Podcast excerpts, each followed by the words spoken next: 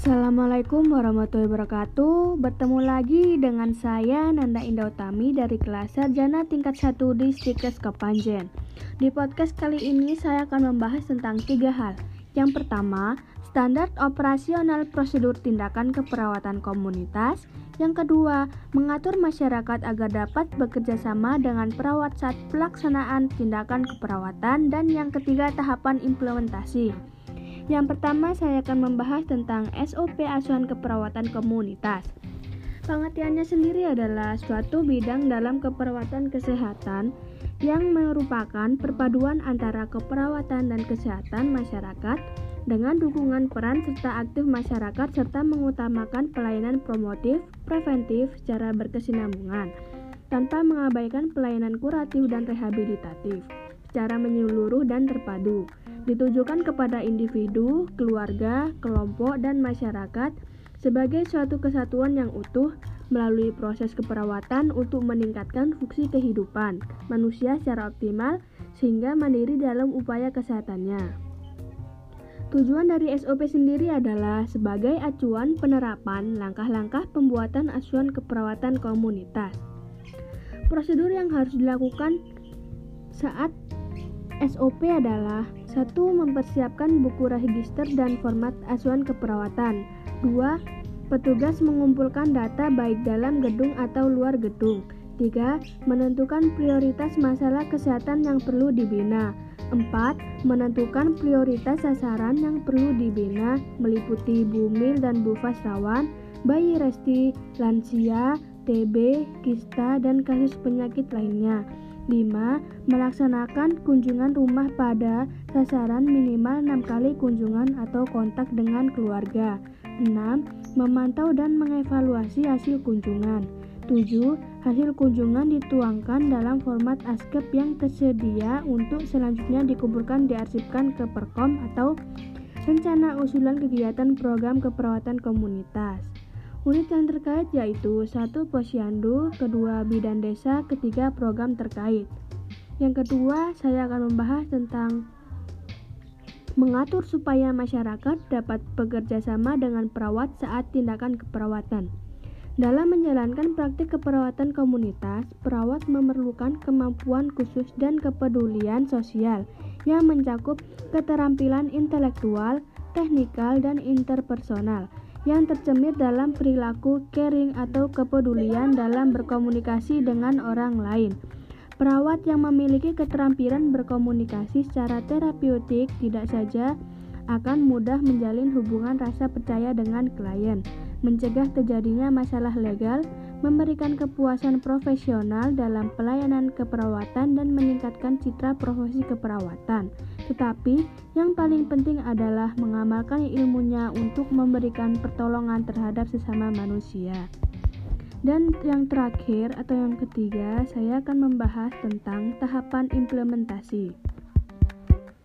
Tahapan implementasi terdapat empat fase yaitu fase prainteraksi, fase orientasi, fase kerja dan fase terminasi. Yang pertama, fase prainteraksi. Fase prainteraksi merupakan masa persiapan sebelum berhubungan dan berkomunikasi dengan klien. Dalam tahapan ini, perawat menggali perasaan dan menilik dirinya dengan cara mengidentifikasi kelebihan dan kekurangannya. Pada tahap ini juga perawat mencari informasi tentang klien sebagai lawan bicaranya. Setelah hal ini dilakukan perawat, perancang strategi untuk pertemuan pertama dengan klien. Tahap ini dilakukan oleh perawat dengan tujuan mengurangi rasa cemas atau kecemasan yang mungkin dirasakan oleh perawat sebelum melakukan komunikasi terapeutik dengan klien.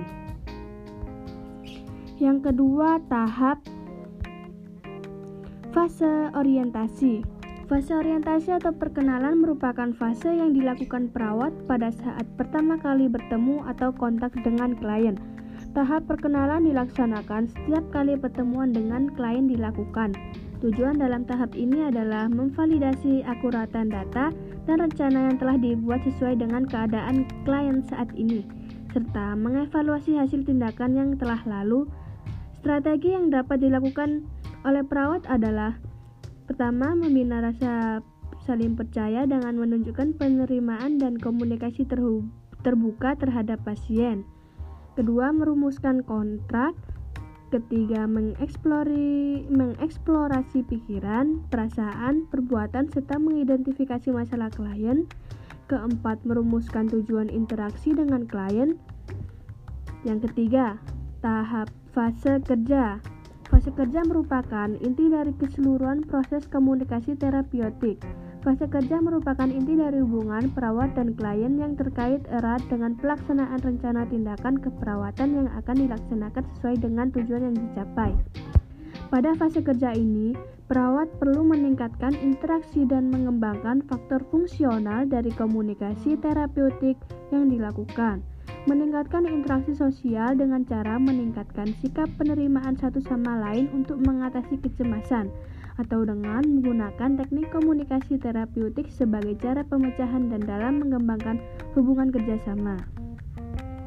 Tugas perawat pada fase ini adalah mengeksplore, mengeksplorasi stresor yang terjadi pada klien dengan tepat. Perawat juga perlu mendorong perkembangan kesadaran diri klien dan pemakaian mekanisme coping dan konstruktif. Yang terakhir, fase terminasi. Terminasi merupakan akhir dari pertemuan perawat dan klien. Tahap terminasi bagi dua, yaitu terminasi sementara dan terminasi akhir. Terminasi sementara sendiri adalah akhir dari tiap pertemuan perawat dan klien. Setelah hal ini dilakukan perawat dan klien masih akan bertemu kembali pada waktu yang berbeda sesuai dengan kontrak waktu yang telah disepakati bersama. Sedangkan terminasi akhir dilakukan oleh perawat setelah menyelesaikan seluruh proses keperawatan. Tugas perawat pada tahap ini adalah mengevaluasi pencapaian tujuan dari interaksi yang telah dilaksanakan, melakukan evaluasi subjektif dengan cara menanyakan perasaan klien setelah berinteraksi dengan perawat, menyepakati tindak lanjut terhadap interaksi yang telah dilakukan. Sekian penjelasan dari saya. Saya akan menyampaikan kesimpulan dari podcast ini.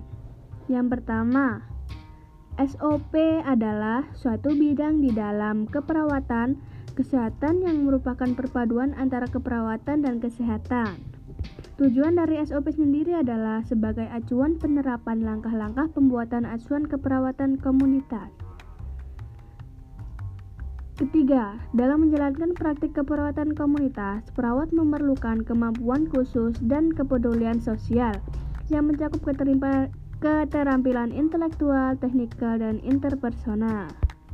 Yang ketiga, tahapan implementasi ada empat. Yang pertama, prainteraksi. Yang kedua, perkenalan atau orientasi. Yang ketiga, tahap kerja. Dan yang terakhir, tahap terminasi. Sekian penjelasan podcast dari saya. Apabila ada salah kata, mohon maaf. Wassalamualaikum warahmatullahi wabarakatuh.